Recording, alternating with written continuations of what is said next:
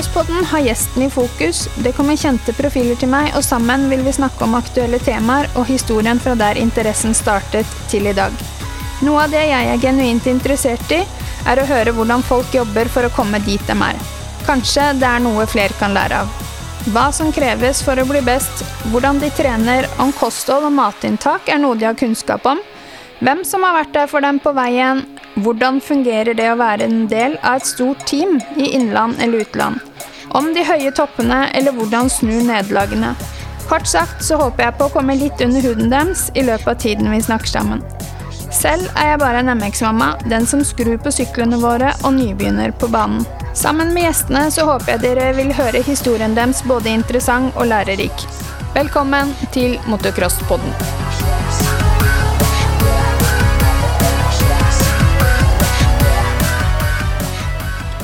Denne episodens annonsør er Alf Grårud Motor. De er en av Norges klart største motorsykkelforhandlere og har gjennom snart 40 år levert motorsykler, crossere, deler og utstyr til hele landet.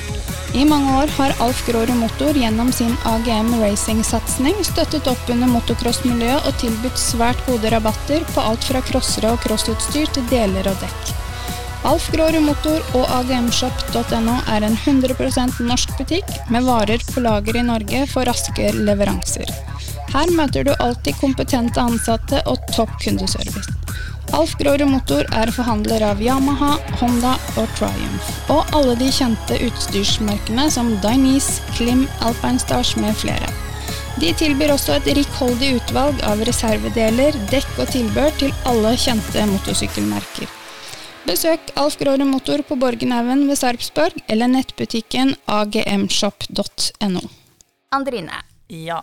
kan du fortelle litt om starten din? Eh, Liksom hvordan helt- jeg kom ja, eh, liksom, inn eh, i dette her. Ja. Ja, det er litt morsomt, da, for jeg drev jo egentlig med dansing. Freestyle disco jazz. ja, men du er egentlig litt typen sånn dansetype. Ja, jeg syns jo det er gøy, helt til jeg måtte begynne med sminke. Da oh, ja. var det ikke så kult lenger. oh, ja. Alle ville bruke sminke, men ikke jeg. ja. um, og da sa jeg til mamma og pappa at jeg hadde lyst til å prøve å kjøre cross, fordi broren min, som er tre og et halvt år eldre, han kjørte da. Mm. Um, og eh, han som var sammen med søsteren min, kjørte også. Så han fikk liksom hjulpet meg da med å overtale mamma og pappa til at jeg i hvert fall skulle få prøve cross. ja. Fordi det blir sånn typ 14 år siden nå, så det var ikke så veldig vanlig Og... Oi, da må jeg regne. Hvor gammel var du da? ti. da var det ikke så vanlig at jenter kjørte. Jeg så aldri noen på banen. Så, men fikk, eh, vi fikk overtalt mamma og pappa, så prøvde jeg, og da var det rett på med egen sykkel. Ja. Det var Det, faktisk det var ikke store overtalinga. Nei, det gikk egentlig veldig greit. Bare sånn, ja, kan få prøve, da. Ja. Ja, men eh, pappa dride er jo fantastisk, da. ja, og han var jo litt kjent i miljøet fordi Andreas også kjørte, broren min. Mm. Så det var jo ikke noe helt nytt for oss, dette her. Nei. Og allerede så var jo pappa banevakt og preppeansvarlig og alt mulig på Exismoa. Ja, Så ja ikke Han sant? var, han var jo veldig godt inn i miljøet allerede da. Mm. Men så hadde jeg jo en storesøster som er eldre enn han igjen, da. Og hun dansa jo, så det var jo derfor det var veldig naturlig at jeg skulle drive med dans. Ja, riktig. Siden hun drev med dans. Mm. Men var det sånn For det er sånn frisk, eh, freestyle disko Det er sånn med masse paljetter og strass og hodepynt og fjær og hele pakka? Veldig mye. Sånn Ja. diamanter og alt mulig. Ja, ja, ja.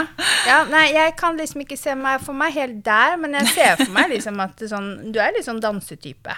Ja, jeg syns egentlig dans Ja. er gøy. Jeg kunne godt drive med litt sånn hiphop og litt sånn ved Ja. siden av nå.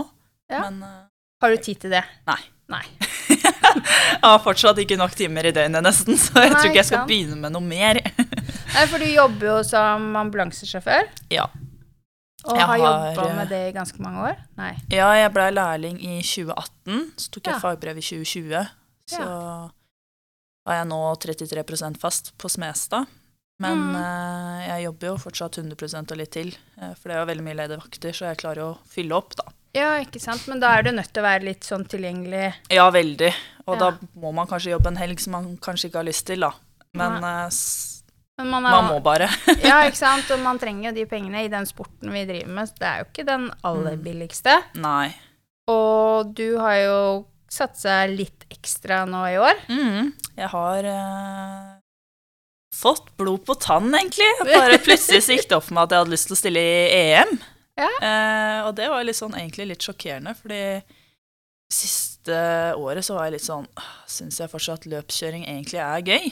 Mm. Um, men det jeg tror kanskje har dabba litt av, bare det at jeg kjører på de samme banene hele tiden. Fordi det er jo Ja. ikke flust av enduroløyper i nærheten på Østlandet, liksom. Det er jo begrenset utvalg, og når du kjører på de samme stedene hele tiden, så blir man jo litt sånn demotivert.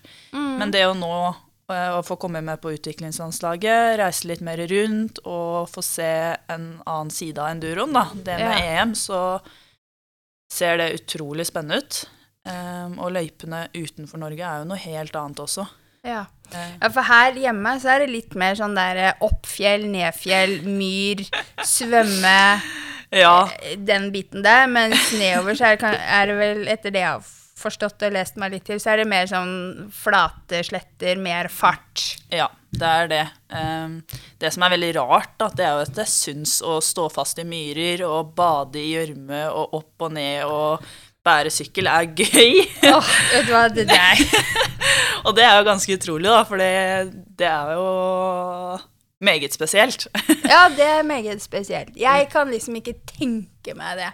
Det er, det, det, det er liksom sånn Det er aversjon, egentlig. ja, ikke sant. Men Men jeg har kommet litt mer der nå at jeg kanskje syns det er gøyere å kjøre fortere, da. ja. Um, enten så må det være at jeg drar for å trene på at det skal være skikkelig skikkelig vanskelig, liksom, og det skal Mm. være sykkel, eller så må jeg trene på at det skal gå fort. Fordi den der biten imellom å bare kjøre over steiner og røtter og ikke få noe flyt og ikke noe fart, ja. det syns jeg er skikkelig dritt. Ja, ikke sant. For Men har du kjørt mye nedover, eller du har vært i Sverige, vet jeg. Og du har jo deltatt på Gotland. Mm. Og det er mer sånn slite myrbading Ja, de sa så, da, men jeg tror vi hadde tidenes tørreste Gotland. så jeg var jo forberedt på det, men det, Ja. jeg tror jeg så fem sølepytter på hele runden. Sølepytter? Jeg, jeg har jo sett noen bilder, da. Det var jo ikke helt sølepytter. Nei, det var noen dype spor, ja. Men Ja. De, de, var, tør, de hadde jo tørka opp. Ja. Så det var jo nesten på grensa at det støva litt på lørdagen når vi kjørte, faktisk. Og såpass. Ja, fordi når alle andre hadde Vi er vel siste pulja som kjører på lørdagen, den elitedelen, og da er det så mange andre som har kjørt før oss. Det er jo typ sånn 3000, da. Så de har liksom satt Typ spor. 3000. Ja. Så de har jo liksom kjørt opp, og sola steika, og det rakk å tørke opp i mellomtiden. Så. Mm. Men er, det er vel mye av det fjellet som er der, er kalk, Mm. er det ikke det? Men er ikke det innmari glatt å kjøre på? Jo, og det var det jeg grua meg sånn sykt til første gang jeg skulle stille på Gotland. Fordi Mm. du hører bare om det der kalkfjellet, og du, du vet ikke hva du møter på egentlig. Og det er jo rundt hele banen. Ja. Um, og det som var uh, selv Nå var det jo veldig tørt når vi kjørte, men Mm. det var jo fortsatt såpeglatt, Ja. de fjella. Um, så de er jo faktisk mindre tørre Eller mindre glatte når det regner, nesten. ja. Eller har jeg hørt, da. Men det kan jo også kanskje være den kontrasten med at du kjører Når du ikke kjører på fjellet, så har du godt feste, da, til at du Mm. plutselig mister alt. ja. Men uh, det var litt sketchy, de der kalkfjellene. Og det er visst ikke noe bra å kjøre uten briller der og få det i øya og sånt, så man skal være litt forsiktig med det. Nei, jeg ville jo ikke kjørt Det er jo som å få når du er på crossbanen og får en stein i øyet, liksom. Ja, Og de kalkefjellbitene er jo ganske skarpe. ja de er det. Så det kan jo forårsake ganske store skader, da. Ja. Det, ja, det vil jeg trippe. Men det, du var en del av Dirtbike Girls når dere var der nede, var det ikke det? Jo. Eh, dere var ganske mange. Vi var Nå så husker jeg ikke helt eksakt tall, men jeg tror vi var sånn nesten ti damer som stilte. Mm. Eh, og så møtte vi også et svensk team eh, der nede, som ca. var ti stykker også, som vi blei kjent med, da. Ja, så hyggelig. Ja, Ja, det er moro. så vi blei jo egentlig en ganske stor gjeng. Ja, det er moro. Men det var jo mange norske, og de nordmennene gjorde vel egentlig ganske bra, gjorde de ikke det? Eh, jo, sånn all over så Ja. var det veldig mange bra prestasjoner. Det var det. Mhm. Både av gutter og jenter. Du kom på Niendeplass. ja, i Elite damer. Ja. Det er jo innmari bra. Av, Ja, jeg hadde jo ikke helt sett for meg det. Eh, Jeg tror vi var noen og tjue påmeldt. Mm. um, i den klassen, og jeg hadde jo bare sånn derre Oi, det hadde vært kult å være topp ti. Men jeg hadde jo aldri kjørt der, og jeg visste at jeg var mot de beste damene, liksom, så jeg Mm. hadde jo ikke noe tro på at det skulle gå. Men så når jeg kjørte inn i mål og fikk vite at jeg var på niendeplass, så var jeg helt eh, Mm. ekstase, og syns fortsatt det er sjukt kult. Ja. ja, men det er jo moro. Ja, jeg er veldig, veldig fornøyd med den, egentlig. Jeg tror kanskje det er den plasseringen jeg er mest fornøyd med i endurokarrieren min. Den Ja. går liksom over Ja, å er jo- vinne Norgescupen, liksom. Ja, ja, for det er liksom Det er litt det inntrykket jeg sitter med, at det er ikke alltid selv at en førsteplass betyr mest. Nei. Fordi at det har så mye mer med dagsform, løyper, eh, utstyr, hvordan hele settingen er, da. Ja. Jeg tror når jeg kjørte i mål på speedcross-enduroen, eller speed-enduroen, på NM-veka i fjor, når jeg kjørte inn til andreplass, så tror jeg jeg var den som var mest fornøyd av alle oss som sto på pallen. Ja. Fordi den andreplassen betydde jo veldig mye mer for meg enn hun som kom på første, som pleier å komme på første, da. ja. Men det at jeg liksom kunne slå en som kjører VM og var på landslag og alt mulig, jeg var helt Og ikke det at jeg vant for at hun ramla, men hun tok meg igjen, og så tok jeg henne igjen, da. Mm. Nei, så det òg var eh, Det er ikke alltid at førsteplassen er den som er mest fornøyd. Nei, nei, nei. Og det er litt sånn av de jeg har snakka med tidligere også, at det er ikke alltid liksom Det beste resultatet betyr mest, da. Nei. Det som er mest betydningsfullt for deg. For du Mm. vet at eh, på det løpet så var formen var ræva, og følelsen du, liksom, du har jo en godfølelse eller en dårlig følelse inni deg når du står på grinda, og, og, og da den på en måte klarer du å overvinne den dårlige følelsen, og enten om du kommer på en god treplass da, eller utenfor pallen for den saks skyld, så veit du at du har kjempa så mye mer Mm, absolutt. enn å bare suse inn til en førsteplass, liksom. Ja. ja, det er akkurat det. Så Men du starta vel ikke i enduro? Nei, det var cross fram til 2018. Mm. Um, og syns fortsatt cross er veldig gøy. Jeg elsker å stikke på crossbanen og kjøre cross med Mm. endurosykkelen min. Men eh, det som egentlig kanskje gjorde at jeg mista gleden der, var eh, de gangene på løp hvor man ikke presterte. Eh, Mm. Når miljøet rundt deg fikk dytta det i trynet på deg hvor dårlig du hadde gjort det. Det oh, ja. var det som drepte gleden min, faktisk. Såpass, ja. Eh, oppi alt så fikk jeg meg kjæreste, eh, som gjorde at tiden gikk litt mer til han. Um, Så jeg tok et par av eh, og ikke kjørte crossløp. Mm. Eh, så prøvde jeg meg noen år senere på speedcross nede på Elgane. Det var også under NM-veka. Mm. hadde ikke noe glede av det. Eh, Nei. hadde kjørt treningen og grua meg egentlig bare til resten av dagen. Um, og da var egentlig da jeg skjønte at det er ikke noe vits i å kjøre løp, i hvert fall. Nei. For jeg har ikke noe glede av det. Eh, og var en som solgte en endurosykkel på nettet, så bare Tøft, kanskje jeg skal prøve det, liksom, da. For da har jeg kjørt sånn smått enduro, men jeg har egentlig alltid hatet enduro, faktisk. Ja vel? For det har jo vært enduroløype på Bjørkelangen, der hvor jeg har vokst opp. Mm.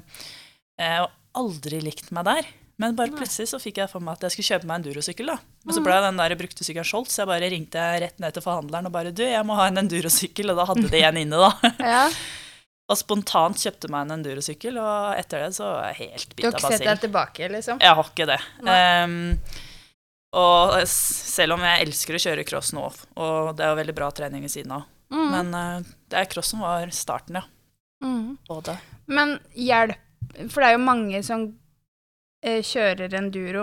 Det er jo svært få, mitt inntrykk, da. Nå er jo jeg både ny, og jeg har aldri kjørt enduro. Og, men inntrykket mitt er jo det at det er svært få som starter rett med enduro. Flesteparten kommer jo stort sett fra cross. Eh, eller kanskje noen få fra trail, men jeg Mm. tror kanskje det er minimalt, da. Ja. Mesteparten kommer vel fra crossen, og kanskje i en litt eh, mer voksen alder, Mm. kan man si det? Ja, eh, jeg er helt enig. Det er sjelden du finner noen som er helt nye som går rett på enduro. Mm. Eh, men om det er fordi enduromiljøet er svært lite i Norge, det vet jeg ikke.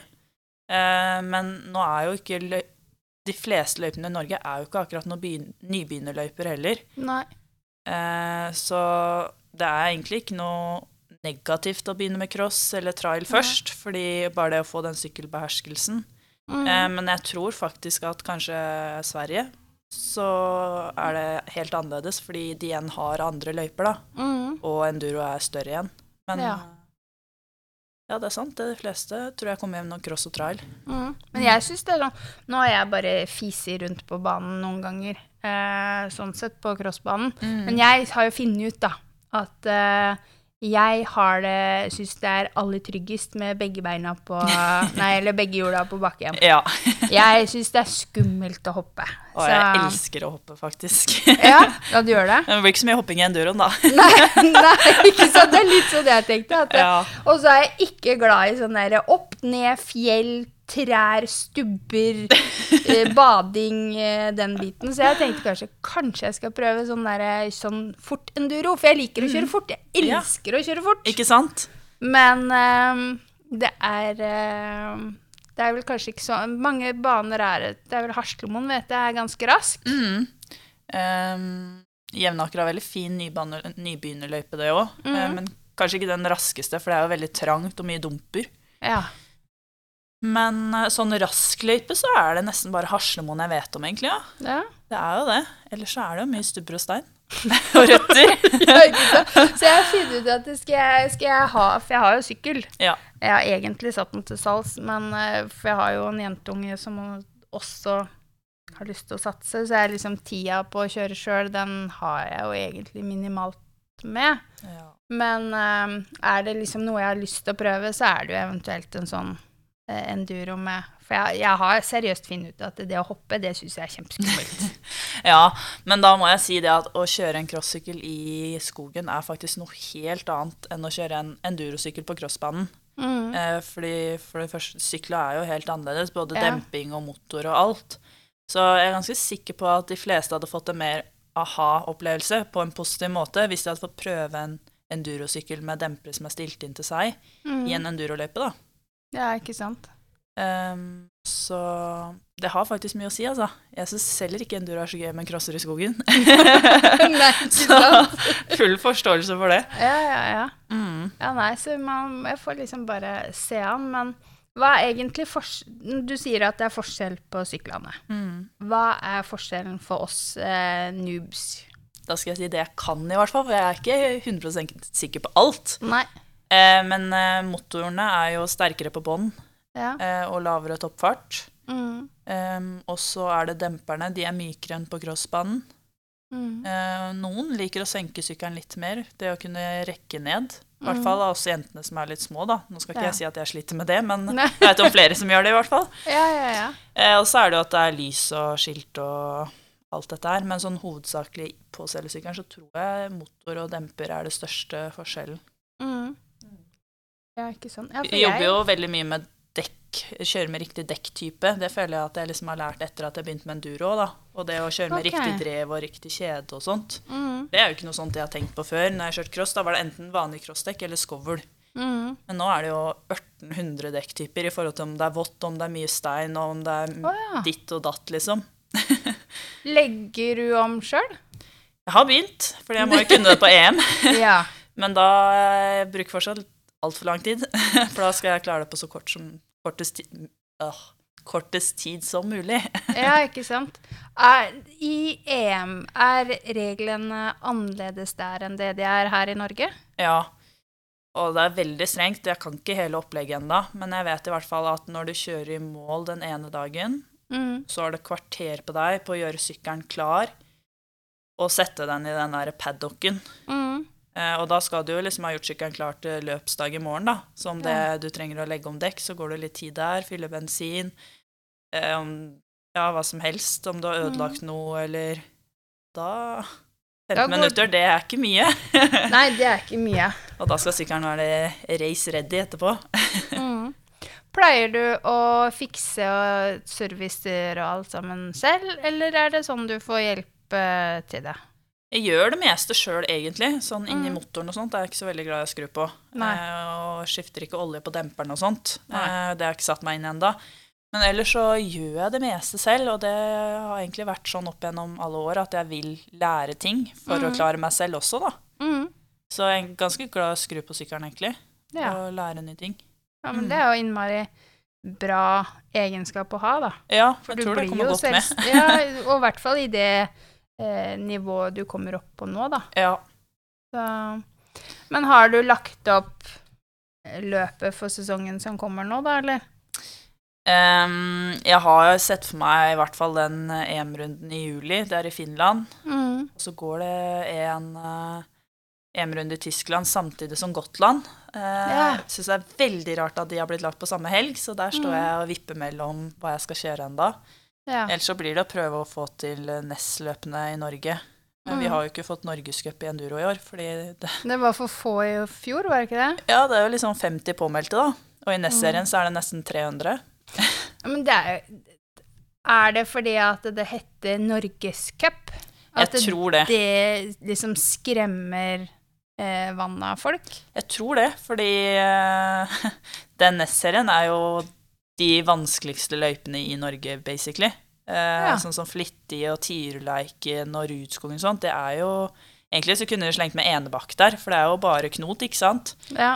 Mens uh, norgescupløpene legger de jo på litt finere løyper. F.eks. Jevnaker bruker å være en del av det hvert år, da. Mm. Så jeg syns egentlig at det er veldig rart at det er på de i Ness-serien at det er så mye folk, men det er, Mm. nok mer det at fordi det er et breddeløp, og ikke noe sånn veldig status, da, med Mm. Merkelig. Mm. Egentlig litt merkelig. Ja, jeg har tenkt på det òg. Mm. Det er litt rart. Ja, for det er litt sånn eh, Jentene Du har jo mm, forskjellige regionscuper i crossen og sånn også, og der er Mm. det jo kjempemasse folk. Mm. Eh, men da i ja, Norges ja, NM og sånne ting, så er det jo ikke alltid like mange. Det har vel vært eh, problem med å, med å ha nok startende Ja, i hvert fall på jentesida, da. Ja, sånn på NM oppover de siste årene også, vet jeg. Mm. Eller ja, egentlig fra, fra mange år siden. Ja. Og det er jo veldig synd, for det er jo mange der. ja, det er kjempemange. Og det er ikke noe skumlere selv om det heter NM. Det er akkurat samme løpet som om det heter Østlandscup eller om det heter Mm. NM. Ja, ikke sant? Men opp igjennom så har du eh, kjørt NM, og du har kjørt eh, Østlandscupen, regner jeg med. Har du vært og kjørt noe løp i cross u Sverige, Danmark eller sånne ting? Nei, jeg har ikke det. Eh, den perioden hvor jeg satsa mest på cross eh, tilbake i tid, så Mhm. planla vi at jeg skulle stille i SM. Ja. Eh, men det ble aldri noe. Nei. Kjører broren din uh, sykkelen, da? Han har utstyret, han selger ikke det. Og pappa sier at sykkelen hans står klar i garasjen. Mm. Men eh, nei, ikke så veldig mye. Nei. Eh, han er jo heldigvis ble en gang i året, for han har gått over til drifting. Oh, Men han har aldri vært noen sånn løpskjører heller. Jeg har bare vært sånn at han Hobby. Ja, Happy go lucky. ja sånn som Ludvig. Ja. ja. har det, altså. ja. Ja. Ja, men det er jo ikke noe Man skal ikke kimse av det så lenge man på en måte får Det er det som er nok for deg, det er Mm. det som gir deg noe. Ja. Du må ikke stille på grinda, liksom. Nei, og det jeg tror jeg har lært av det, er det å For han var veldig sånn som lekte seg med sykkelen, da. Elska å hoppe og prøve å legge den langt ned i svingen og sånne ting. Og det, jeg tror jeg har lært mye om det at det er ikke noe farlig å leke med sykkelen, da.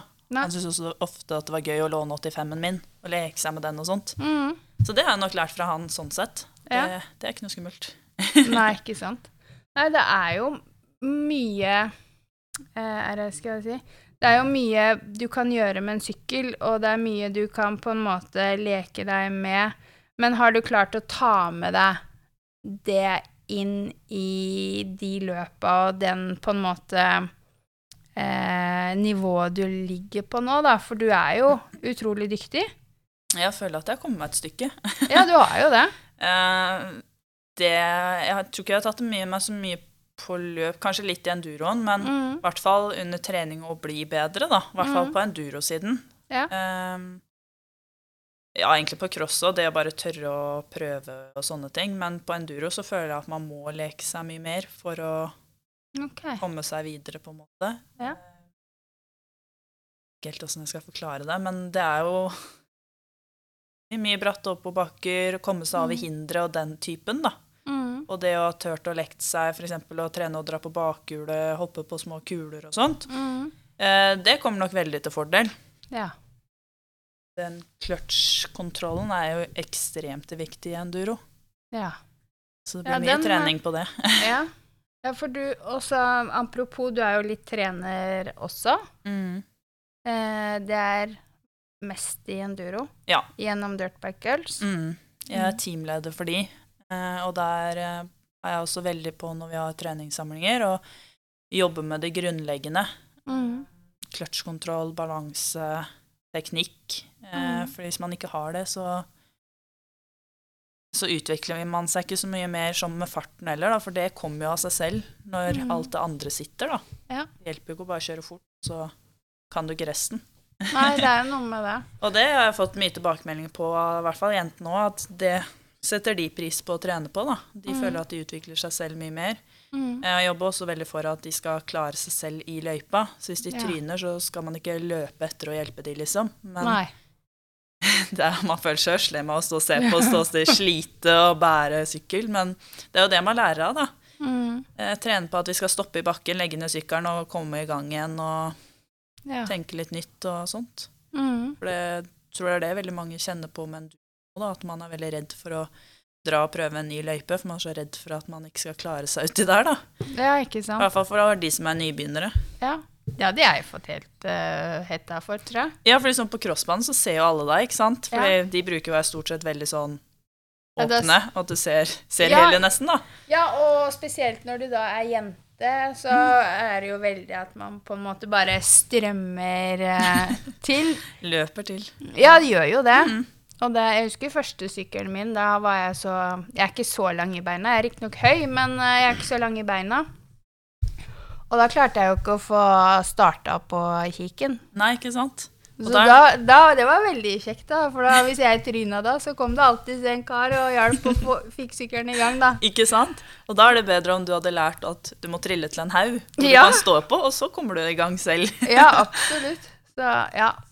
Nei, nå har jeg den med, så jeg bare trykker på knappen, jeg. Ja, ikke sant? Og det er veldig fint. det ja, veldig fint at elstart eh, ble funnet opp. ass. Det Ja, tror jeg ja. redda mange. Det tror jeg redda mange med korte bein. ja. Ja, for det er litt sånn Jeg ser jo Jeg følger deg jo både på Instagram, og nå kjenner jeg jo deg litt eh, sånn utenom også. Mm. Og så Jeg ser jo på en måte mye av de bildene du legger ut, og dere er jo overalt. ja. Det er jo Ja, oppå en fjelltopp til halvmeter snø til mud race, holdt jeg på å si. Hjem. Det er jo det som er veldig gøy med enduro òg, da. Ja. Eh, For eksempel, eh, jeg elsker å dra ned til eh, ved Egersund, eh, mm. Hauge i Dalane. Ja. Det å kjøre på fjellet der, du føler deg kriminell, vet du. For det er så fint landskap at man tenker at det ikke er lov til å kjøre der. Ja. Og så har de jo godkjent enduroområdet der på fjellet, og det er jo det er så magisk der, liksom. Mm. Og det syns jeg er så fint med enduro, at det, det er ikke bare den samme grusløypa rundt og rundt. Nei, for sånn er det jo litt her på Østlandet, er ikke det? Det er ikke Mm. noen sånne hele områder du kan bruke og kjøre hvor du vil hen, liksom. Her er det vel mer sånn merka løyper, eller? Ja, det er jo stort sett det. Ja. Og det er jo det, er jo det tryggeste, så ikke det blir noe at man kommer i motsatt retning og krasjer og styrer åren. Jo, jo. Men uh, på det fjellet også, så er det jo veldig oversiktlig, da. Man kjører jo stort sett som en stor gjeng sammen. Ja, ja, ja. Mm. Dere er jo ganske sammensveisa, den Ja. gjengen dere er, da. Ja. Men jeg skulle ønske Jeg syns jo frikjøring er det morsomste, og ikke bare Mm. følge en løype. Ja. Så hvis jeg kunne vært på flere av disse banene på Østlandet som er ferdig løypa opp, og kunne bare lekt meg hvor jeg ville i hele den skogen, så hadde jeg kosa meg glugg i hjel. Mm. Men er det, er det NMF eller eh, klubben som setter disse restriksjonene, eller vet du noe om det? Um, det har vel noe med begge å gjøre, ja. Ja, okay, Fordi løypene er jo, må jo være godkjente for at de skal kunne kjøre der, og i hvert fall til å brukes til løp, da. Ja. Så det har nok noe med det å gjøre, ja. At Mm. man kan bare ha et fritt område og kjøre hvor man Mm. Ja, for dere var jo i Sokndal, mm.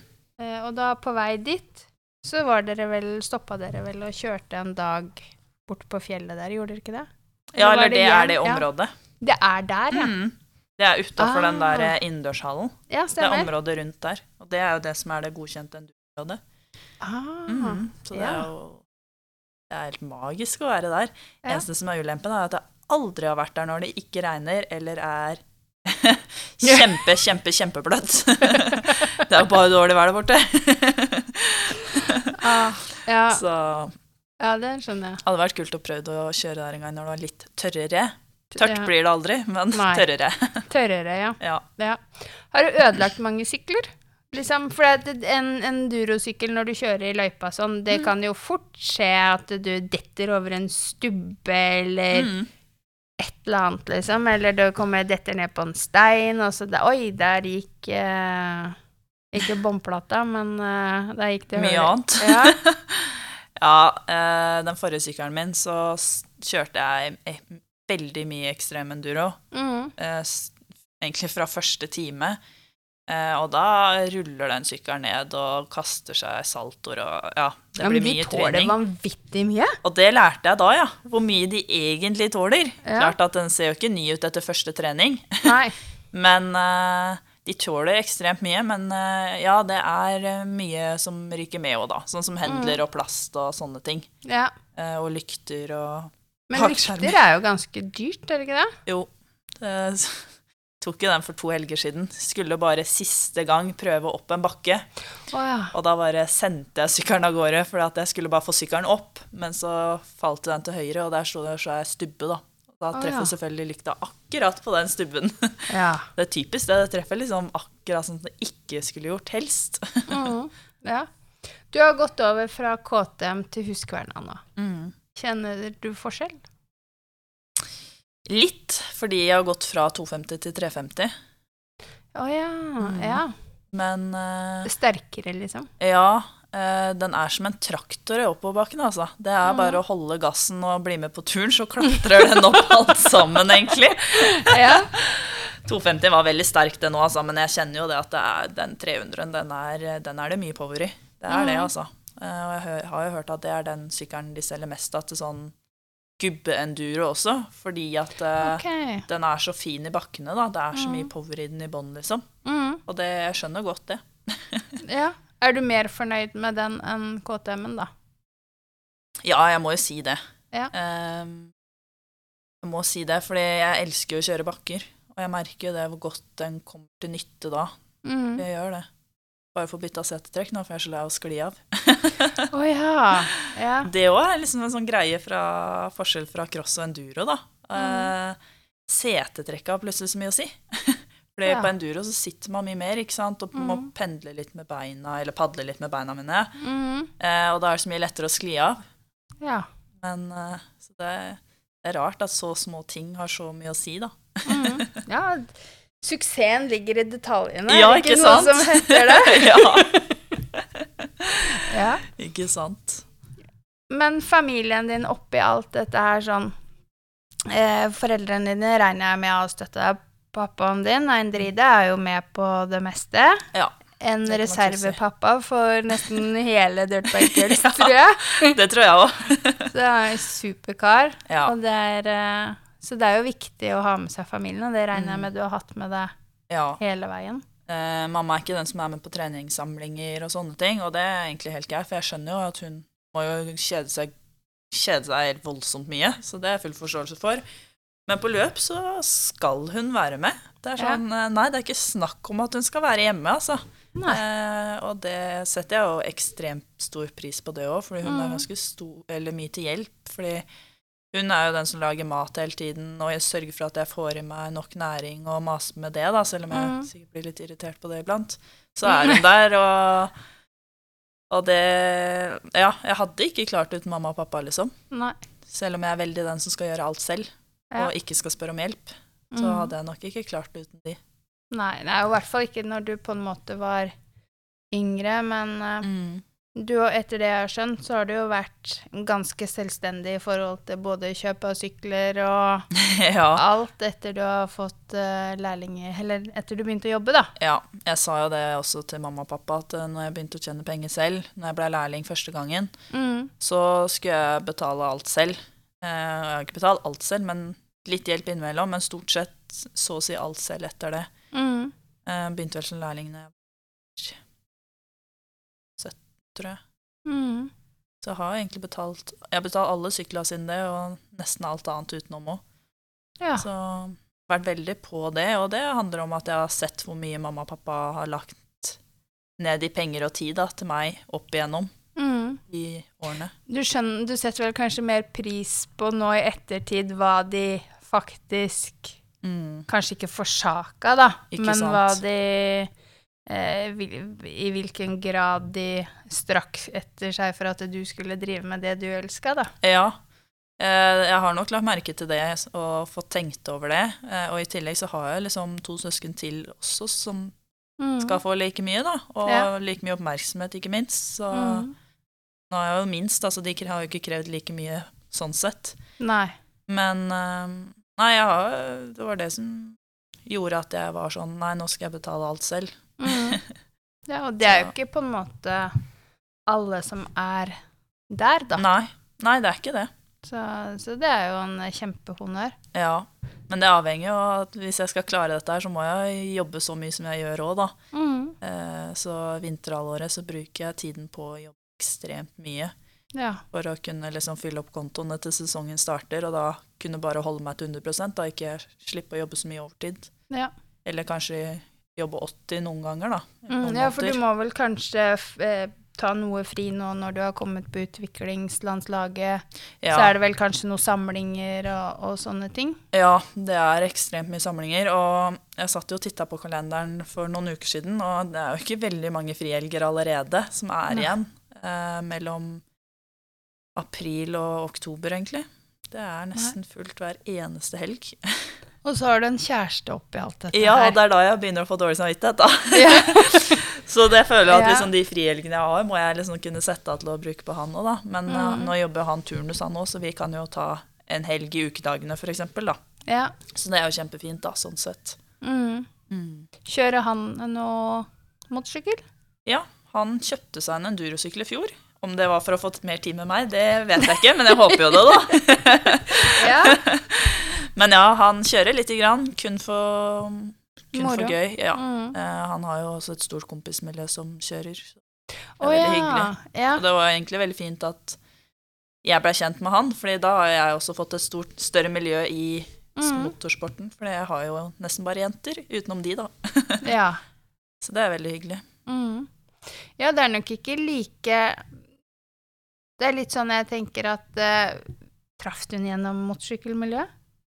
Nå må jeg spørre. Ja, jeg liker jo å si det til alle sammen, da. Ja. Men det var Tinder. Det var Tinder. ja. Det var Men det var det. på grunn av interessen, da. Ja, jeg tror det, fordi begge Ja. hadde jo motorsykkel på profilbildet sitt, holdt jeg på å si. Ja, ikke sant? Ja. Så det var nok ikke bare tilfeldigheter, nei. Nei. Så den, den spilte en rolle, da. Den gjorde det. Ja.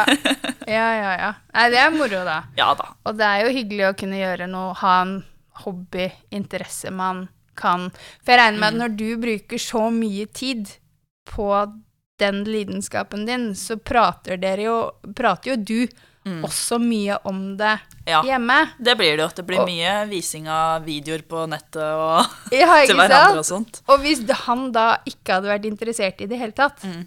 så hadde det jo ikke Det hadde blitt vanskelig, i hvert fall. Jeg skal ikke si at Ja. det ikke hadde gått, men Nei. det hadde blitt mye vanskeligere, i hvert fall. Det hadde jo det, og han har jo også da en større forståelse av hvor mye tid og penger det krever å holde Mm. på, da, siden han som ligger i det. Og det, Mm. det er nok en stor fordel også. Ja, ja, for det kunne jo fort Ikke gått skeis, men det er liksom ja, blitt bydd på noen utfordringer, i Ja, hvert fall. Og det. noen diskusjoner om eh, Må du bruke penger på det der, da? Ja, det blir Ja. nesten sånn at man må velge sykkel med, sykkelkjøring og kjæreste. Man må velge hva man vil ha da, nesten, tror jeg. Mm. Hvis ikke man har en jeg. kjæreste som har forståelse for det, og man det- satser.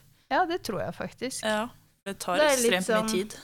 Ja, ekstremt mye tid og ekstremt mye penger. Mm.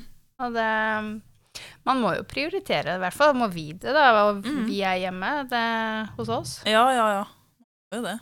Men Ja. jeg tenker at det har vært veldig fint for meg å bruke så mye tid på motorsporten. Mm. Eh, og man lærer liksom Jeg vil jo si at man nesten lærer om økonomien, da. Fordi det handler jo om prioriteringer. Mm. Jeg kan ikke fly hver eneste måned og kjøpe meg nye klær og sko, sånn som mange andre på min alder mest sannsynligvis gjør. Ja, ikke sant? Fordi jeg heller vil velge å bruke på et nytt kjede eller nye støvler eller et nytt brillepar, liksom.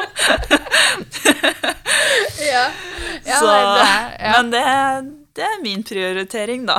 ja, men så lenge det gir deg noe Det er litt Mm. sånn der eh, hjemme, og så er det på vinteren nå, så har det Det er Ja, man eh, sparer de pengene man kan, da.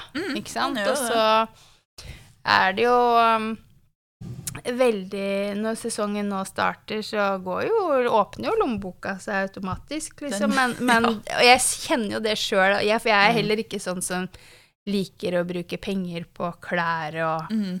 sko og briller og alt det der sånn, men eh, Så det er sånn derre eh, Iselin spurte liksom ja, 'Jeg har lyst på den buksa der, mamma'. Ja, men må du egentlig? Du har jo en annen bukse, eller at jeg sjøl trenger en bukse. Ja. Da sitter du i hvert fall langt inne og så bruker penger på bukse. Ja. Men det å betale, gå på Grorud og bruke 7000 kroner på crossdeler eller sykkeldeler, det går helt fint. Ikke sant? Da er lommeboka vid åpen. Ja. Så det er helt merkelig, det Ja. der. ja, det er jo noe med det. Så det har jo noe med lidenskap, interesse og alt det der å gjøre. Ja. Og det blir jo en livsstil. Det gjør det, absolutt. Og det er jo mange som spør både meg nå og sånn opp igjennom som jeg har hørt, da, til mamma og pappa, at hvorfor gidder dere å bruke så mye penger på det? Mm. Eh, og jeg tror kanskje jeg har sagt det samme til broren min i forhold til at han driver med drifting, for jeg har sett Ja. at det, det koster jo en del òg. Og så sier jeg hvorfor gidder du egentlig å bruke så mye penger på det? Helt til jeg var med han på gatebil en dag, og da bare ok, nå skjønner jeg hvorfor du bruker så mye penger på det. Ja. Og det er jo fordi at det er lidenskapen vår, liksom. Mm. At vi føler at det er verdt det. Mhm. Og noen bruker det på ridning eller på sjakk. Mm. Eller sånn. alpint. Eller alpint, ja. Det er jo enda dyrere. Ja. Eh, så er jo det Jeg tenker så lenge du driver med det du brenner for, Mm. eh, så er liksom det det aller, aller, aller viktigste. ja, det er det. Det, det har så utrolig mye å si. Ja. Men nå har du jo eh, dratt i gang litt annet business ved sida både sykkel og ambulansesjåfør. ja. Du kan jo fortelle litt om eh, profileringa di. Ja, eh, om jeg Mamma spør jo etterpå har du egentlig tid til det. Så sier jeg ja, det vet jeg kanskje ikke helt. Men jeg starta det egentlig fordi at eh, jeg skulle trykke mine egne kjøretrøyer og mine egne teamklær. Mhm. Eh, og så har jo pappa drevet eh, Decal Design, som var en crossbutikk kombinert med å trykke klær og klistremerker. Ah. Så jeg har jo alltid hatt den interessen fra han drev den. Mm. Eh, så jeg har tenkt på det i mange år, at jeg har hatt lyst til å kjøpe maskiner og starte opp det. da. Mhm. Eh, og så plutselig, jeg er jo så spontan av meg, da, så plutselig så bare bestilte jeg alle maskinene, da. Fordi jeg skulle trykke til meg selv. Ja, ja, ja. Men så oppretta jeg enkeltmannsforetak og fant ut at uh, nei, det, det her eh, skal jeg drive med ved siden av av Mm. ambulansekjøringa. fordi 100% i ambulansen er jo gjennomsnittlig tre dager i uka. Så det, jeg så for meg at jeg skulle ha masse tid ved siden av. ikke sant? Mm. Og jeg har jo jeg har skjønt i etterkant at profilering og jobbe med å trykke klær og lage klissemerker og alt sånt, hvor ekstremt tidkrevende det er. Ja, det er kanskje det. Ja, det er mye mer enn man skulle tro. Ja, Eh, for min del så er det jo bare sånn at jeg tar et bilde, og så smukker man det på et eh, Klesplagg, liksom. Ja. Ja, og det er jo ikke det. For det første så starter jo med mye at man lærer å feile, for du finner jo ikke fasit på noen ting på nettet. Det går ikke an å google seg fram til noe du lurer på, nesten. Nei. Du må finne ut av alt selv. Ja. Ehm, og så går det i millimeterdetaljer fra det er på PC-en til det er på trykket, liksom. Eller ja, for du er- driver med fra start til finish, liksom. Mm. Du driver med design og designer og Ja, jeg lager ikke logoer og sånne ting, men jeg må jo legge ut inn i PC-en det jeg vil ha på trøya eller på klistremerket og sånne ting. Ja. Og alt går jo i millimeter og perfeksjonisme og alt dette. Og- Litt OCD. Ja, og det er jo ikke Jeg vet ikke om det er bra eller dårlig at jeg har det. Fordi hvis det ikke er på millimeteren rett, så er jeg jo ikke fornøyd. ikke sant? Og Nei. det handler jo om at eh, de produktene jeg selger, også skal være bra. Mm. Eh, men jeg syns jo det er utrolig gøy, da, det å trykke klær og lage klistremerker og flasker og alt dette her. Mhm. Ehm, det, jeg syns jo det er kjempegøy, men det tar tid. Ja, ja, ja. Men det er gøy å se fra hva du starter til når du slutter, da. Mm. Se sluttresultatet. Ja, jeg skulle nok ønske at jeg hadde større maskiner, men eh, det er liksom vi snakka om hvor, mye- hvor dyrt det er å starte opp, da. Mm. Maskinene kan du få opp til 200 000, liksom. Eller det, er- det er neste hakket jeg har titta på, da. Det er sånn 150 000 for en maskin. Å, herregud. ja, så det er liksom det er ikke noe et du har i stua hjemme, da? Nå har jeg alle maskinene i stua hjemme. på 50 kvadrat. så derfor så er det ikke noe sånn Jeg kan ikke leve av det enda, på en måte. Eh, men jeg kommer jo aldri til å Jeg skal jo alltid jobbe i ambulansen. Men jeg har lyst til å jobbe mer med firma, få mer bestillinger, bli flinkere mm. på markedsføring og sånt. Ja. Um, Men du er jo innmari dyktig, da. Ja, det har jeg hørt fra noen andre, skjønner. At du du er jo innmari dyktig sånn i forhold til det å få tips, eh, sponsorer, samarbeidspartnere. ja, og det tror jeg kanskje har noe med at jeg jobber med sosiale medier. Eller sånn er Prøver å bruke mye tid på det. Influenser. Jeg prøver. Nei da. Ikke det at jeg skal bli influenser, men jeg syns det er gøy å jobbe med sosiale medier. da. Mm. Eh, ta bilder og redigere og styre årene. Eh, og det merker man også på firmaet, hvor mye markedsføring har å si. da. Sosiale medier det er jo nesten alt nå. Det hjelper Mm. Ja, det jo nesten det. ikke å ha en hjemmeside lenger, for det er jo ikke den folk titter på. Nei. Det er jo Facebook- og Instagram-profilen din. Mm. Så det, det er vanskelig å bli stor når man starter opp et lite firma, men eh, Mm. jeg syns jo det er gøy. så Ja, jeg jobber syns det er vanskelig. Jeg syns det er vanskelig da å liksom eh, få catchy det å skrive noe catchy, det å på en måte Ja, riktig bildetekst og sånt, ja. Ja. ja. Jeg syns det er Kjempevanskelig. kjempevanskelig. Jeg syns Ja. det er vanskelig med det. Jeg snakka litt med Caroline Pettersen i forhold til det å skaffe sponsorer Mm. og sånne ting, og jeg har sikkert gjort alle de største berørerne ever. For jeg syns det er vanskelig, for jeg er helt ny. Men Du fikk jo meg på kroken, da, etter at jeg hørte episoden med Hege. Ja. Eller Karoline, ja. Ja, Ja, ja. så det, jeg syns det er ikke Ja. Ja, for nå um, Du, Andrine, tilbød deg jo faktisk å sponse Stjerneskuddet med cruise. ja. Med motocrosspodden og din eh, logo på. Mm. Og det handler jo om at eh, jeg syns det du gjør, er så bra, da. Mm. Eh, og der også er jeg litt sånn grei med det firmaet jeg har. At det er jo ikke noe sånn at jeg lever, og det går så veldig pluss hele tiden. Eller sånn. Det er ikke noe jeg lever av, på en måte. Nei. Men jeg syns fortsatt det er hyggelig å kunne sponse folk med ting, da. Mm. Eh, og igjen så får man jo reklame for det, da. Ja, absolutt. Og jeg blei jo kjempe Vet du hva, jeg blei så takknemlig og ydmyk, for det var eh, helt uventa, da. Ja, men Og jeg, det- det jeg kjenner på Det er veldig hyggelig å høre, forresten, da. men det jeg kjenner på med det bitte lille firmaet jeg har, hvor givende jeg syns det er å kunne hjelpe andre lite grann, Mm. eh, f.eks. å gi deg de cruisene, så tenker jeg at jeg skulle ønske at større firmaer også tenkte sånn. Mm. Eh, Det å sponse idrettsutøvere er sånn, Jeg har sendt ut masse sponsorsøknader, men Mm. du får jo et svar av 10 ikke sant? Mm. Og jeg skulle ønske at folk syntes det var mer gøy å hjelpe hverandre og Ja, støtte opp om idretten og sånt. da. mm. Og det å støtte opp om idretten, jeg tror kanskje det har vært greia for meg gjennom uh, hvert fall, For jeg er jo fra Bjørklangen og en Mhm. bygd, og det er jo mye man skal holde seg unna, holdt jeg på å si, da. Eh, Jeg har jo hatt idretten som jeg alltid har gått til, ikke sant? mens Ja. andre har rota seg borti litt annet tull. Og jeg Hengt tror på det kiosken Ja. ja. ikke sant? Og prøvd ting man ikke skal prøve, og ja, ikke sant? Finner seg Mm. feil miljøer og sånt. Mm. Og mens livet mitt det har liksom alltid bare vært sånn Trene etter skolen, eh, gå i garasjen, mekke, kjøre mandag-onsdag, lørdag-søndag, fredag er fridag, da skal man sykkelen mekkes, vaskes, gjøres alt klart til helgen. Mm. Det er liksom det Hva skal jeg si Ikke barndommen min, men i hvert fall ungdomstiden min gikk til, da. Mm. Og det at ikke folk støtter mer det der eh, idrett, det syns jeg er synd. For det, Mm. alle burde drive med idrett, syns jeg, da.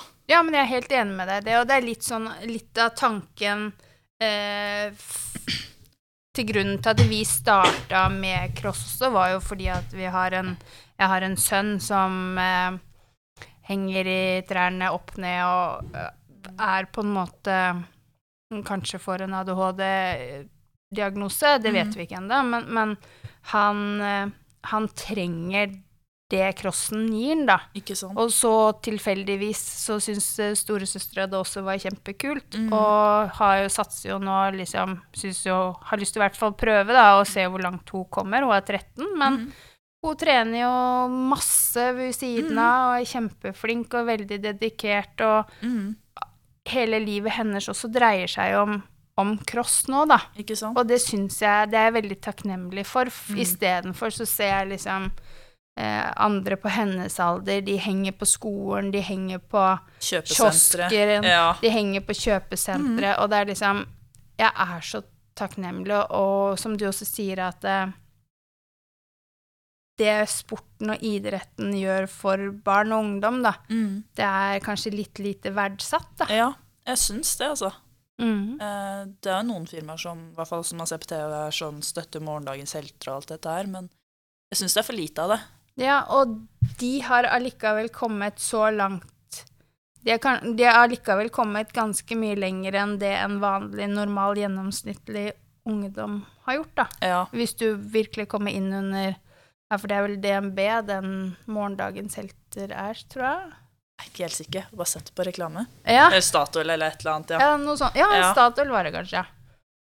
Og, men det som er med disse, dette her òg, er jo at de fleste er jo for lag og organisasjoner. Mm. Eh, eksempel noen ganger så har noen banker sånn at de deler ut et sånt idrettsstipend og sånn. Mm. Men, det dekker ikke, men hvis du driver med motorsport, så får du ikke søke, liksom. Ja, ikke sant. Og det gjør det jo enda vanskeligere igjen. Ja. Når man ikke er lag og organisasjon, og man driver med Mm. motorsport, så blir det plutselig veldig vanskelig, da. Og, og jeg tør jo si at dette er en dyrere idrett enn håndball og fotball. ja. Eh, og det er jo, vi trenger jo i hvert fall den hjelpen vi kan få hvis man har lyst til å holde på med dette her, da. Mm. Og det er jo ikke, så, det er ikke alle som har foreldre som kan la barna drive med dette her.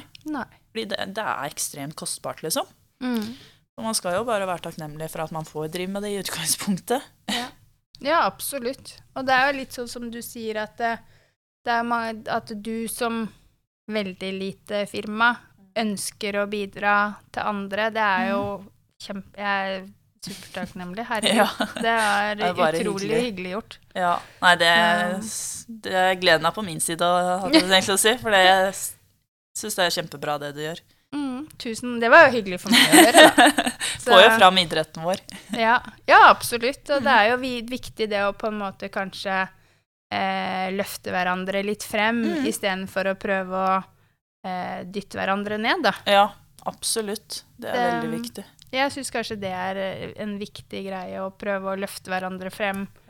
Uansett om du har firma, eller om du på en måte bare er en helt vanlig. Og det er jo det stjerneskuddet handler om. Ikke sant? Det å løfte frem de som virkelig gjør alt. De Mm. som bruker mange timer på, på banen, enten det er i en traktor med å preppe banen, eh, eller det er en som kjører løp fordi at Mm. han er lidenskapelig opptatt av det. Driter i om han kommer på tiendeplass, liksom. Ja, ja, ja, Men bare at det, det gir den indre motivasjon og indre gleden, Mm. eller om du bare ikke eh, liker å kjøre løp i det hele tatt, men du elsker sporten din for det. Ja, ja, ja. Og det er jo det eh, stjerneskuddet handler om, å, å løfte frem Mm. de folka som kanskje eh, ønsker å, å gjør det lille ekstra, da. Ja, ikke sant. Og fortjener en uh, liten shout-out og Ja. en liten uh, oppmerksomhet. Absolutt. Og det syns jeg er kjempefint uh, Hva skal vi kalle det?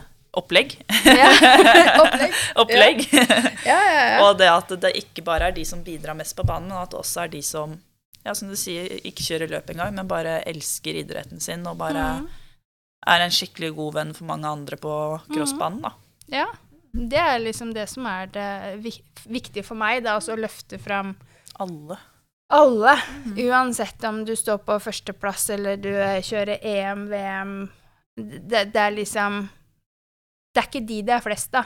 De det er flest av, er faktisk mosjonistene som utrettelig eh, kjører, trener to-tre ganger i uka, og alle en som sitter og, og gjør klar banen, prepper mm. banen klar til onsdagstreninga, liksom. Ja, ja, ja. For de trenger like mye det å bli løfta frem, de som, Mm. som alle andre. Det er jo det, for den idretten her er jo bare dugnadsarbeid. Men det er kanskje litt sånn typisk norsk. Ja, det er kanskje det. Så i hvert fall, For jeg kjenner jo en del som har vært nedover nå, og der er det jo Nedover i Europa så er det jo ansatte på banen. Det er jo Og det jobben er det, ja. Ja. Ja, ikke sant? Men der er jo liksom lønningsnivået kanskje litt annerledes, Ja. da, og levevilkår og, og sånne ting. Så Mm, det er sant. Eh, mens Norge er vel kanskje tufta mer på frivillighet og dugnad, da. Ja, Fra bunnen av. ikke sant. Så, Ja, det er mange ildsjeler her i Norge. Både veldig. innen all idrett. Innen all Ja, absolutt. Ja. Så Men hvis eksempel noen av de som lytter på, har ei trøye som de kunne tenkt seg å komme til deg med for å få trykka tall, navn, logoer Det er helt mulig, liksom? Det er helt mulig. Ja. Jeg fikk faktisk, henta på posten i går eh, en eske med 35 kjøretrøyer som jeg skal trykke nå. Oi! Fra en klubb. Ja, Ja. Så det er ikke noe problem. Nei, men så moro, da. ja. Og det er jo noe med det å kunne prøve å løfte fram deg og ditt firma også. Mm. Eh, som det er noen som Jeg vet jo eh, at du også selger flasker med navn og litt Mhm. logoer, krus, Ja. klistremerker. Men kommer du til å satse på dekaler? Mm, hvis jeg kjøper den maskinen til 150 000, så kanskje, ja. Jeg får ønske deg den til jul. Ja, jeg får ønske meg en til jul. Men ja, det hadde vært gøy å starte med det etter hvert. Mm. Eh, og da vet jeg i hvert fall hva jeg ønsker sånn senere, da, fordi jeg er så lei av å kjøpe dekaler, og så passer det ikke ordentlig og dårlig kvalitet Mhm. sånn. Så det er et langsiktig mål at jeg Mhm. kunne tenkt meg å drive med det, men igjen så krever det veldig mye. Så må vi se Mhm. utviklingen blir, Ja, og da egentlig. krever det jo kanskje Da kan du ikke ha det i stua på På 50 kvadrat? På 50 kvadrat. Nei, det er sant. Planen jo etter hvert, da, det blir jo å kjøpe en enebolig, forhåpentligvis. Mm. Eh, I hvert fall noe som er større enn 50 kvadrat, og ikke en leilighet. Mm, ja. Eh, og da håper jeg på å kunne ha stor nok plass til å kunne ha utrett, da. Mm. Trippel garasje. Jeg burde hatt det. Ja. Jeg har så lyst på mye kjøretøy. Eller jeg har en sykkel, og samboeren min har en sykkel, han har snøscooter, jeg vil ha snøscooter, og to hengere og tre biler og ja. Så det det må stor opp. garasjeplass og stor eh, Gårdsplass. gårdsplass. Ja. Kjøpe hus etter det. Ja, og så et stort lokale til, til Ja. firmaet. Ja, men det kan du ha sånn derre rom oppe på Det er ikke guttebule oppe. eh, Det er- man det er kontoret. Det, er- det er eh, trykkeriet til MX eh, Andrine Profilering. Ja, ikke sant? Ja, det er sant. Kanskje det er det jeg må ha. Sånn etasje over, ja. ja. Det er sant. Så alt i bånn med sykler og Ja, ja, ja. Nei, det hadde vært rått. Det hadde vært ja. Så jeg tror de griller i hodet på meg, ikke? Ja, ja. Ja, men det, er, det hadde vært kult, da. ja. Og det, jeg tror nok at eh, miljøet i Norge er stort nok til at eh, man kan leve av det. ja. Eh, Jeg tror det, og jeg, før jeg starta opp firmaet selv, og så var jeg, har jeg sagt det flere ganger til pappa sånn Å, jeg ønsker du drar i firma nå, for nå vet jeg hva folk vil ha. Mhm. Så jeg har jo veldig lyst til at dette skal funke. Ja, Men Eh. pappaen din, da? Kan ikke joine? Jo, jo, jo, han, han kan jo mye av dette her òg, ikke Ja. sant? Eh, Han er ikke helt rå på PC og data, men mye annet kan han. Ja, ja, ja. Så det kan nok være at jeg må be han om litt hjelp eh, når jeg skal trykke disse trøyene nå, for det, Ja. det, det krever jo mye tid. Ja.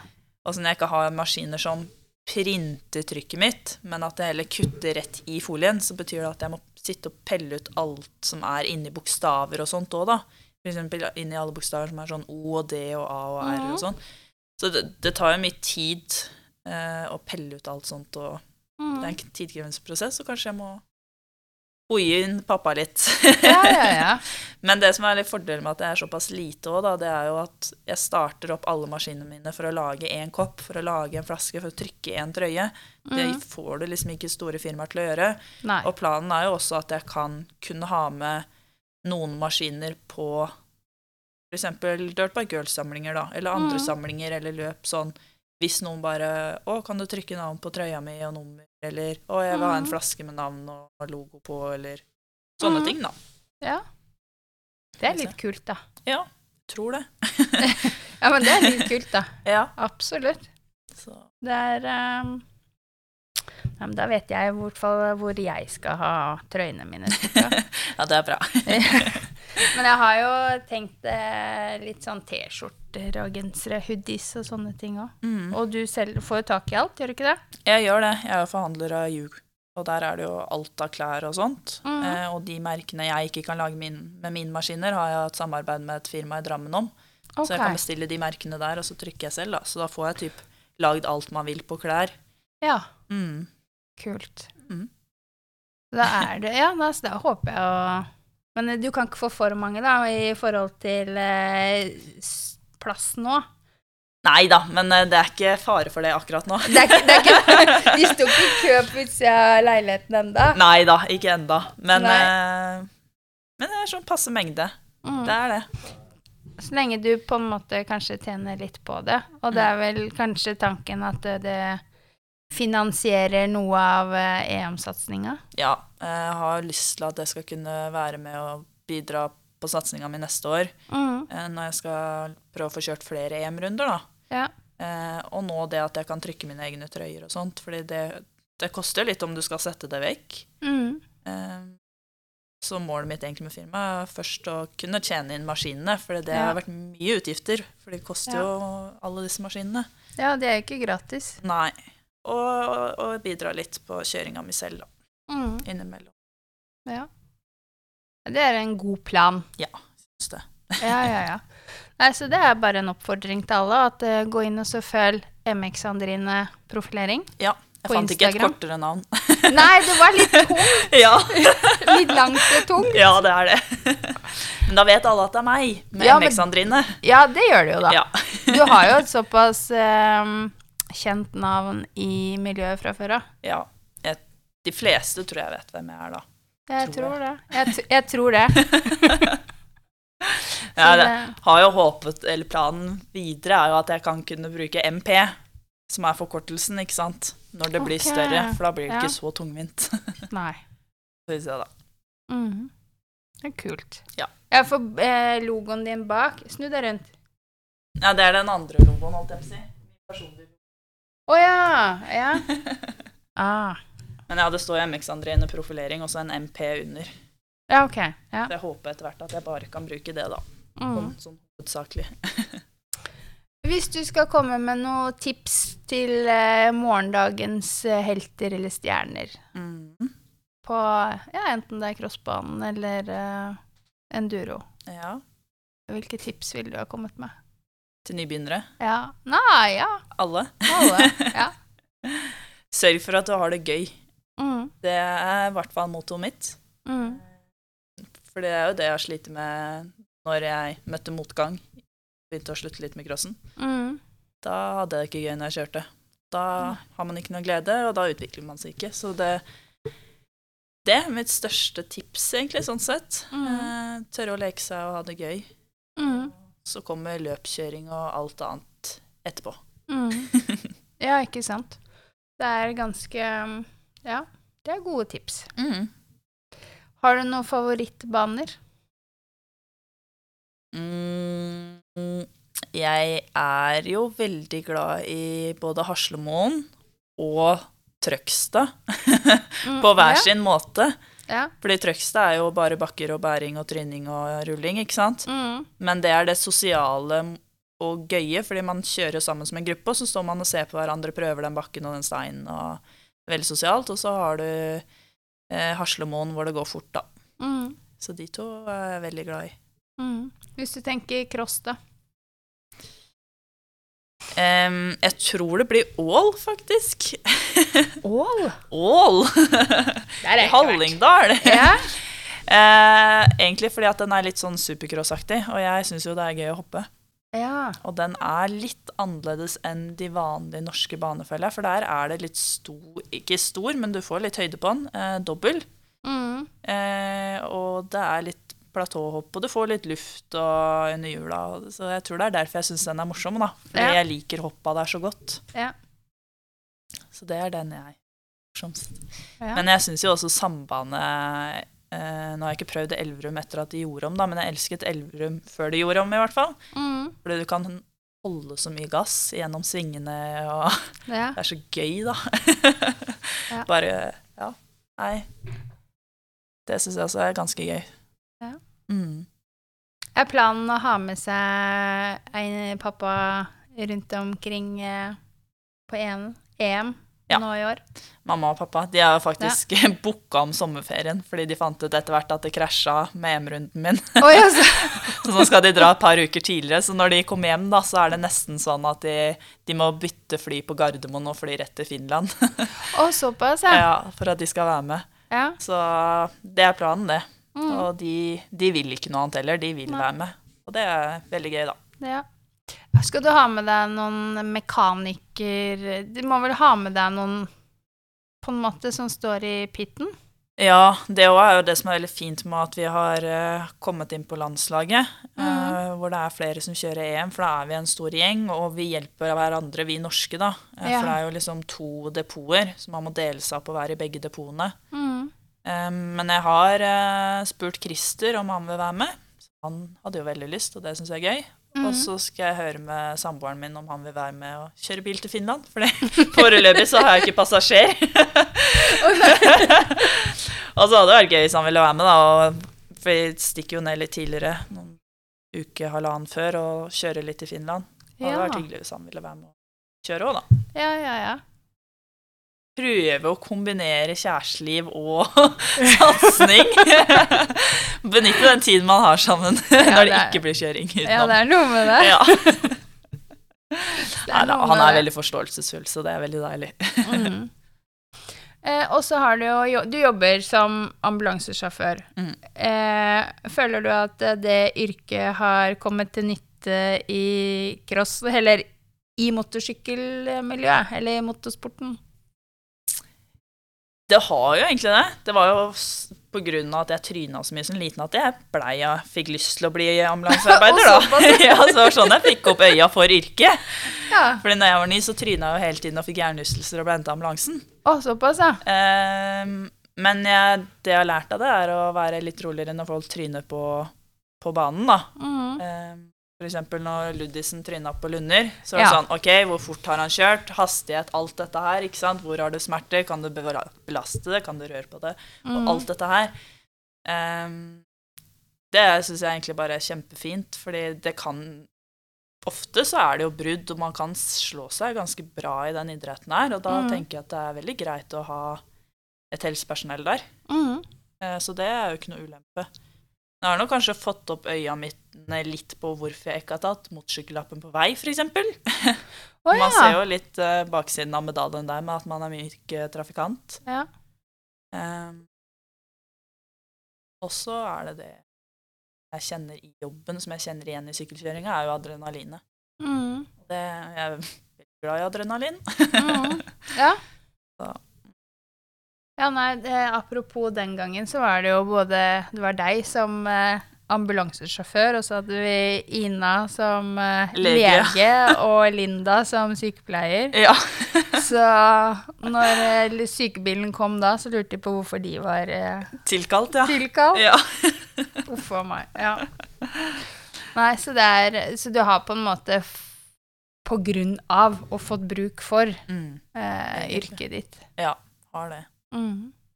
Sånn, hvis jeg ramler sjøl òg, så blir jeg at jeg undersøker meg selv. Bare er jeg alvorlig skadd nå? eller går det bra? jeg vet ikke helt om det er positivt eller negativt. Jeg. Her, Ja. Ja, nei, det, jeg vet ikke. Nei. det er uh, Uff a meg. Nei, det er litt Det er jo på en måte et yrke du kan få bruk for. Ja. Men har du ikke, har du ikke lyst til å ta motorsykkellappen engang? Eh, jeg må det nå for å kjøre EM. Nei! jo. Er det et krav? Ja, egentlig på SM òg, fordi at uh, uh, løypene legges på vei. For det er, det er stort sett etappeløp. EM er etappeløp, så Ja. transporten mellom en etappe til en annen er jo på vei. Ah, så da, må du kjøre sykkelen din? Ja, Ah. Så derfor så må jeg jo ta den nå. Ja. Um, og så er det jo hvit skilt på sykkelen min, da, så kan det jo være at siden jeg bor liksom syv minutter unna jobb, at jeg cruiser opp med den til jobb noen ganger, da. Mm. Men det blir jo veldig dumpete med disse knastedekkene på veien. Så vi får se, da. Jeg vet for det er sånne supermotorhjul. Ja, jeg har tenkt på det om jeg skal kjøpe det, men eh, det blir dyre felger for å cruise litt fram og tilbake til jobb. Det Eh, ja. er ikke så deilig å kjøre den 302-takten der så altfor lenge på i 80 km i timen, tror jeg. Nei, Jeg tror det blir litt sånn ør i huet etter hvert. ja, jeg tror det. Så ser jo litt teit ut med crosshjelm også på veien, Ja, eller? det gjør jo det. Det, gjør, det, det ser litt I teit hvert ut. fall på en ordentlig motorsykkel, liksom. Ja. ja, absolutt. Nei, jeg har skikkelig lyst til å ta motorsykkellappen. Ja. Får bli med. Ja, ja nei, det er, nå maser jeg hull i huet på, på Thomas, mannen min, da. Ja, du gjør det. Jeg gjør det, vet du. Så han eh, må nok bare til slutt dra Gå med inn på det. Gå med på det. Men da blir det i hvert fall ikke noe verken cross eller enduro for min del. Får jeg måtte sant. motorsykkellappen. Ja, den ser jeg. Så Bare vær forsiktig. Og husk sikkerhetsutstyr. ja, det er noe med det. Nei, jeg veit jo det at uh, jeg har jo, har jo en tendens Jeg er glad i fart. Ikke sant? Det er litt sånn der uh, Kan være litt redd for uh, sertifikatet mitt. Burde vært cruisekontroll. Ja, det er kanskje det på disse nye på de syklene. nye ja. så er det jo varmeholker, og du har varme i setet, og du har eh, Da er det jo luksusmotorsykkel. Ja. Tenk om vi hadde hatt det på enduro crosser, da. Å, Det hadde vært deilig. Ja. ja, men varme i holkene går vel, er vel ikke Jeg tror man kan ettermontere det, ja. Ja, Men f.eks. varme i seta, det er det jeg klager på de siste gangene jeg har kjørt nå. Når jeg kjører i snøen og jeg sitter, blir jo så kald i rumpa. Ja. Og blir jo bløt òg, ikke sant. Ja, ja, ja. Så det at varme i setet, det hadde vært helt magisk. ja, det skjønner jeg faktisk. Så akkurat den skjønner jeg. Men Andrine, Mm. nå har vi jo egentlig snakka i godt over en time. Mhm. Jeg vil bare takke deg for at eh, jeg fikk lov å komme hit til Asker og Jo, snakke med ingen deg. problem. Og så vil jeg takke deg fra dypet av hjertet mitt for alle tilskudd og koppene Bare hyggelig. det er bare hyggelig, det. Så oppfordrer alle som hører på, eh, send inn nominasjoner til Stjerneskuddet. Gjør det. Så får dere kjempefine kopper. Ja, Ikke minst. ikke minst det. Så men tusen hjertelig takk for at jeg fikk komme. Det var uh, gleden er på min side, holdt jeg på å si. Det var veldig hyggelig Ja. uh, å få skravle litt med deg. Man rekker sjelden å sette seg ned og prate sånn ordentlig når man er på banen, så Nei, det er hyggelig å kunne prate litt utenom banen òg. Ja, absolutt. Nei, tusen hjertelig takk. Selv takk.